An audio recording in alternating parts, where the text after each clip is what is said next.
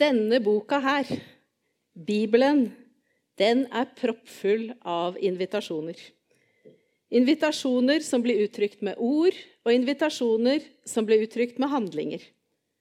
Og hva er det invitasjoner til? Jo, det er invitasjoner til å komme inn i et fellesskap.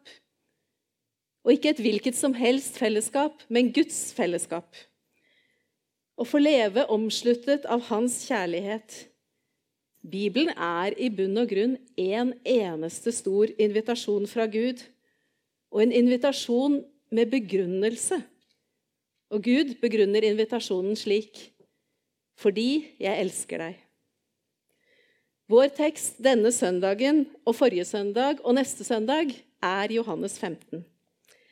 Og det perspektivet vi har i møte med teksten i dag, er Jesu ord 'Bli i min kjærlighet'.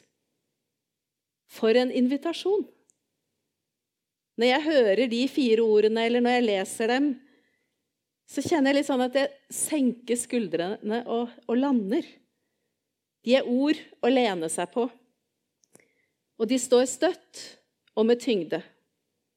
Bli i min kjærlighet. Det er en invitasjon som samtidig er så innstendig at den nesten bikker over på formaning. Men det er ikke en sånn der formaning av den autoritære varianten, der noen ønsker makt over meg. Nei, det er en frigjørende formaning fordi den er sagt med og i den dypeste kjærlighet. Den er sagt av Han som ga sitt liv for å kunne si akkurat disse ordene. Bli i min kjærlighet. Og det er ikke et hvilket som helst tidspunkt Jesus sier disse ordene. Det er ved inngangen til det døgnet han skal dø for å fullføre frelsesverket. Det er natt. Jesus sitter sammen med disiplene sine. De har akkurat spist påskemåltidet sammen. Jødenes tradisjonsrike og symboltunge måltid som de er vokst opp med, alle sammen, både Jesus og disiplene. I det måltidet så lærer de å bli minnet om at Gud frelser sitt folk, og at han alltid går sammen med dem. Han forlater dem ikke. Men det er ikke bare det at det er inngangen til påskefeiringen som gjør kvelden og natten så spesiell. Nei, det er den siste natten, de siste timene, Jesus har med disiplene sine. Og han vet at han skal dø. Han har forsøkt å forberede dem på dette her. Vise dem hvem han er, og hvorfor dette måtte skje. Men ennå har de ikke helt grepet det.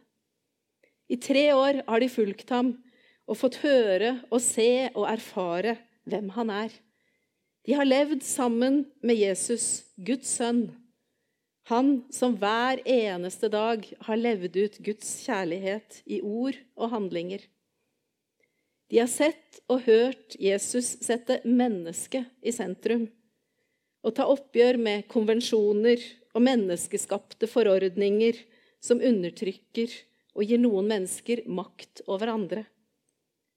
De har sett mennesker bli satt i frihet, og mennesker bli helbredet. Og de har sett Jesus sette naturlovene til side. Og de har opplevd at fem brød og to fisker kunne gjøre tusenvis av mennesker mette. De har sett og forstått og trodd i bruddstykker. Men det er også situasjoner der de ikke har forstått, og der de har tvilt. De har kjent på glede og frykt, sinne, uro og trøst. Og til tross for at de da har vært sammen med Jesus i tre år, så er tankene og perspektivene deres fortsatt menneskets. Og nå er det altså den aller siste kvelden som Jesus har med dem. Siste sjanse til å sette alt de har opplevd og hørt og erfart, inn i en større sammenheng. Siste sjanse til å forklare Guds frelsesplan for dem. Den planen som springer ut av hans kjærlighet, og som er det det virkelig handler om. Det er ikke tid til utenomsnakk. Jesus går rett i kjernen. Vi kan lese om det i Johannes 13-17.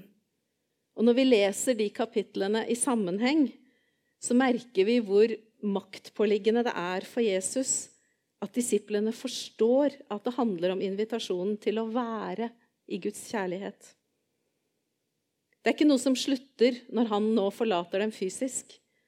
Nei, det å bli i Guds kjærlighet, det er noe som fortsetter. Det har ingen ende. Det er ikke sånn nå har jeg gått sammen med dere i tre år, og nå må dere leve på minnet om disse tre årene og da dere fikk leve i min kjærlighet. Nei, Jesus retter blikket framover. Bli i min kjærlighet, den som blir i meg. Hvert eneste øyeblikk er vi i Jesu kjærlighet. Og det er et løfte for alle øyeblikkene som kommer. Et løfte som er forankret i Gud og i hans evige eksistens. Gud som har gitt seg selv navnet 'Jeg er'.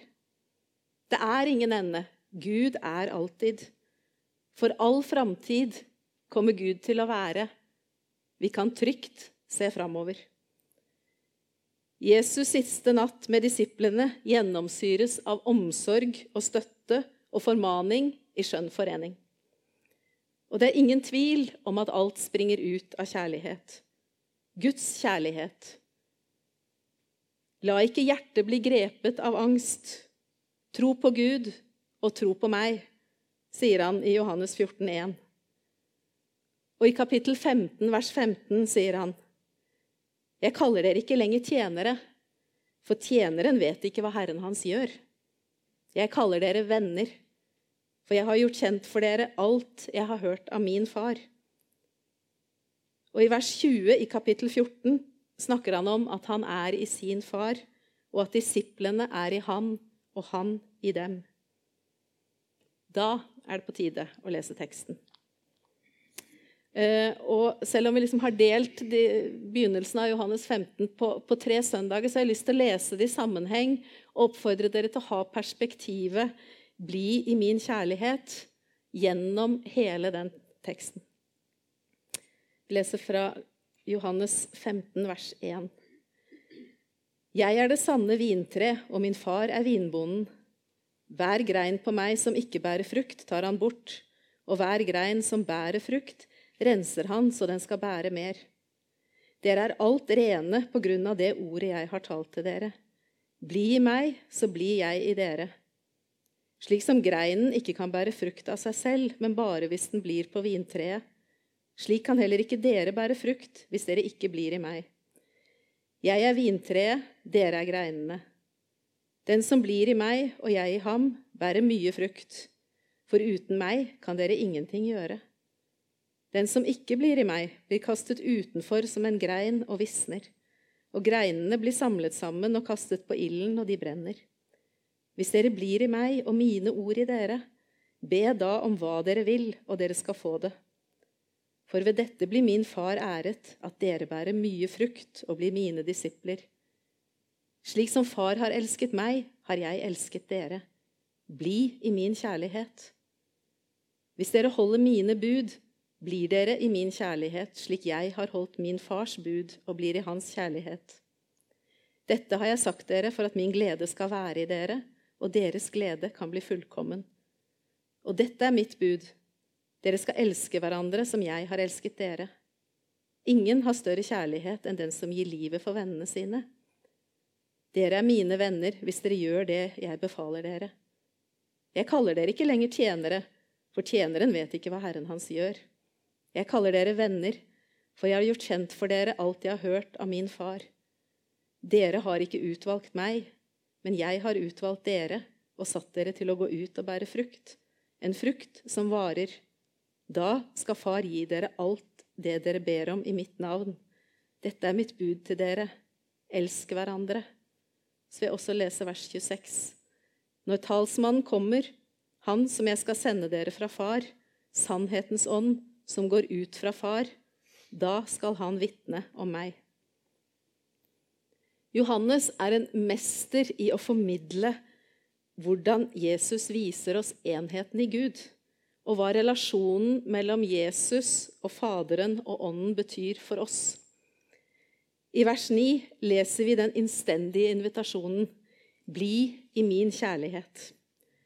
Og rett i forkant, i samme vers, så forankrer Jesus dette i Gud. Det er ikke en løsrevet sak. Som far har elsket meg, har jeg elsket dere. Og like etterpå så lover han disiplene at de ikke skal være alene, selv om han går tilbake til Faderen. Men i stedet for Jesus er det Den hellige ånd som skal komme og være sammen med dem. Når talsmannen kommer, han som jeg skal sende dere fra far, sannhetens ånd, som går ut fra far, leser vi i vers 26. Realiteten i det Jesus sier, er altså at vi blir invitert rett inn i gudskjærligheten. Den mest livgivende, inkluderende og absolutte kjærligheten som finnes. Gud er kjærlighet. Men kjærlighet er jo ikke kjærlighet hvis den befinner seg i et tomt rom. For at kjærlighet skal finnes og virke, så forutsetter det jo at det finnes noen som kjærligheten kan rette seg mot. Det forutsetter at det er et fellesskap mellom noen. Og i den treenige Gud er det jo nettopp det. Et fellesskap mellom Faderen og Sønnen og Den hellige ånd. Men Gud ville tydeligvis noe mer enn å holde kjærligheten inne i det lukkede fellesskapet. Og dermed så ble han også skaperen. Sånn at kjærligheten kunne ekspandere og omslutte enda mer. I skaperverket har mennesket fått en unik plass. Og Gud sa, 'La oss lage mennesker i vårt bilde, så de ligner oss', leser vi i første Mosebok. Jesus gir oss en stående og uforbeholden invitasjon. Rett inn i det aller helligste. I Guds kjærlighetsfellesskap mellom Faderen og Sønnen og Ånden. Bli i min kjærlighet. En som har illustrert dette på en måte som taler til meg når jeg lærte noe om det, eh, det er ikonkunstneren Andrej Rublev, som levde på 1400-tallet. Og Ikoner er jo en kunstform som ærer Gud. Det er jo innholdet og meningen og symbolikken som er det vesentlige i ikonene. Det er litt sånn fremmed eh, kunstform og uttrykksform for oss. Men eh, likevel, da jeg leste en artikkel av Halvor Nordhaug, som er biskop i Bjørgvin, så hjalp han meg å se litt hva, hva som ligger i det ikonet. Og det har egentlig da fulgt meg siden. Eh, og da jeg begynte å forberede den prekenen her, så, så, kom det ikonet veldig sånn Ja, jeg kom til å tenke på det. Eh, og eh, det, det, bildet, eller det ikonet, er blitt en sånn visuell formidling av Guds kjærlighetsfellesskap og av evangeliet. At det å bli i Guds kjærlighet, det handler om invitasjon, ikke prestasjon.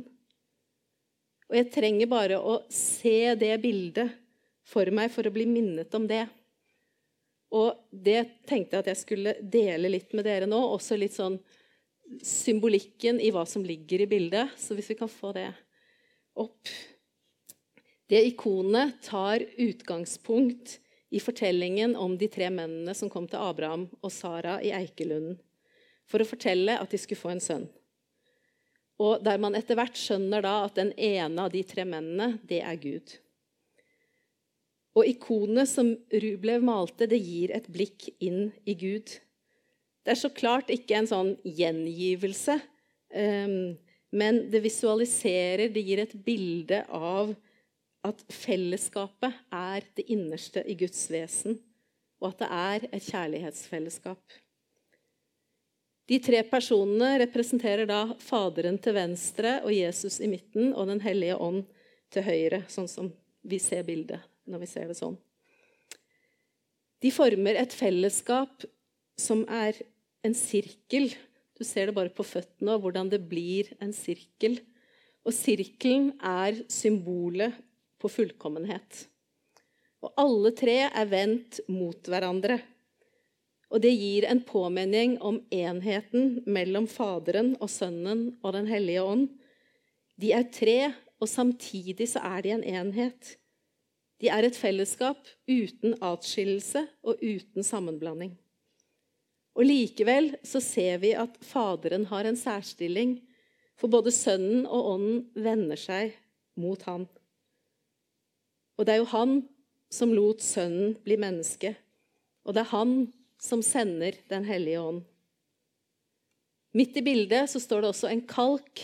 og Det er ikke så lett å se, men i den kalken så ligger kalven som Abraham slaktet for gjestene sine. Og I ikonet så blir den kalven et bilde på Jesu offer. Og mens han vender seg mot Faderen, peker Jesus på offeret med to fingre, hvis dere ser fingrene hans. Og de to fingrene de symboliserer at han både er Gud og menneske. Og Halvor Nordhaug skriver det er som om vi her får et blikk inn i Gud, inn i en guddommelig rådslagning, hvor Sønnen ber Faderen om å få lov til å være Guds lam som bærer verdens synd. Og vi skimter hvordan Faderen løfter fingrene på sin høyre hånd, og slik velsigner og tar imot Sønnens offer. Midt i sentrum av Gud selv er Kristi stedfortredende død for verden. Og Det bringer oss til enda et budskap i bildet, og det er den ledige plassen ved bordet. Det er ikke satt fram en ledig stol ved siden av eller ja, altså utenfor fellesskapet. Og ikke er ikonet formet som et, et hus hvor vi ser inn gjennom et vindu og inn i gudsfellesskapet. Nei, det er malt en åpen plass ved bordet. Og den som står foran den åpne siden, inviteres inn i fellesskapet. Det er foran meg den ledige plassen er. Og jeg kan ta imot og bli en del av fellesskapet. Det er gjort i stand for meg. Jesus sier i Johannes 14, 3, Og når jeg har gått og gjort i stand for dere, vil jeg komme tilbake og ta dere til meg, så dere skal være der jeg er. Den ledige plassen er også en visualisering, et uttrykk for at mitt forhold til Gud og mitt valg om å si ja når Jesus sier 'bli i min kjærlighet', ikke starter med min kjærlighet til Gud. Nei, den begynner med Guds kjærlighet til meg, til oss. Hvert eneste menneske som ser på det ikonet, ser den åpne plassen som står der for dem og møtes av den kjærligheten som alltid er ekspanderende, og som alltid kommer hvert eneste menneske i møte. Jesus snakker om seg selv som veien. Han er veien inn til et fellesskap som skapes av kjærlighet. Det er ikke et fellesskap som skapes av krav, og som man kan bli en del av kun gjennom prestasjoner eller opptaksprøver og faktisk ikke gjennom prestasjoner og opptaksprøver i det hele tatt. Fellesskap er det innerste i Guds vesen. Gud er fellesskap. Før Gud skapte verden og begynte å elske oss, var Gud fellesskap. Og det fellesskapet, det er kjærlighet. Gud er kjærlighet i seg selv. Derfor kan Gud best beskrives akkurat sånn som det står i 1. Johannes brev, kapittel 14, vers 16 med kapittel 4, vers 16. Gud er kjærlighet. Kanskje strever vi òg, sånn som disiplene, med helt å forstå, helt å gripe. Men vi kan ta sjansen på å velge troen og håpet, fordi fundamentet er Guds kjærlighet. I første kor 13, 12-13 setter Paulus ord på akkurat det. Nå ser vi i et speil, i en gåte. Da skal vi se, ansikt til ansikt. Nå forstår jeg stykkevis. Da skal jeg erkjenne fullt ut, slik Gud kjenner meg fullt ut. Så blir de stående, disse tre. Tro, håp og kjærlighet. Men størst blant dem er kjærligheten. Guds kjærlighet som, Jesus, som Jesus inviterer oss inn i. Bli i min kjærlighet, Tro på Gud og tro på meg. Amen. Kjære Gud, takk at du er kjærlighet. Takk at du inviterer oss inn i fellesskapet med deg og omslutter oss med din kjærlighet. Takk for at vi kan hvile i det. Takk for at du alltid er oss nær og omslutter oss, og at din kjærlighet ikke er avhengig av hvordan vi har det, hva vi gjør, hvordan vi føler oss. Du elsker oss, Herre, fordi du har skapt oss. Takk at du er til evig tid, Herre. Amen.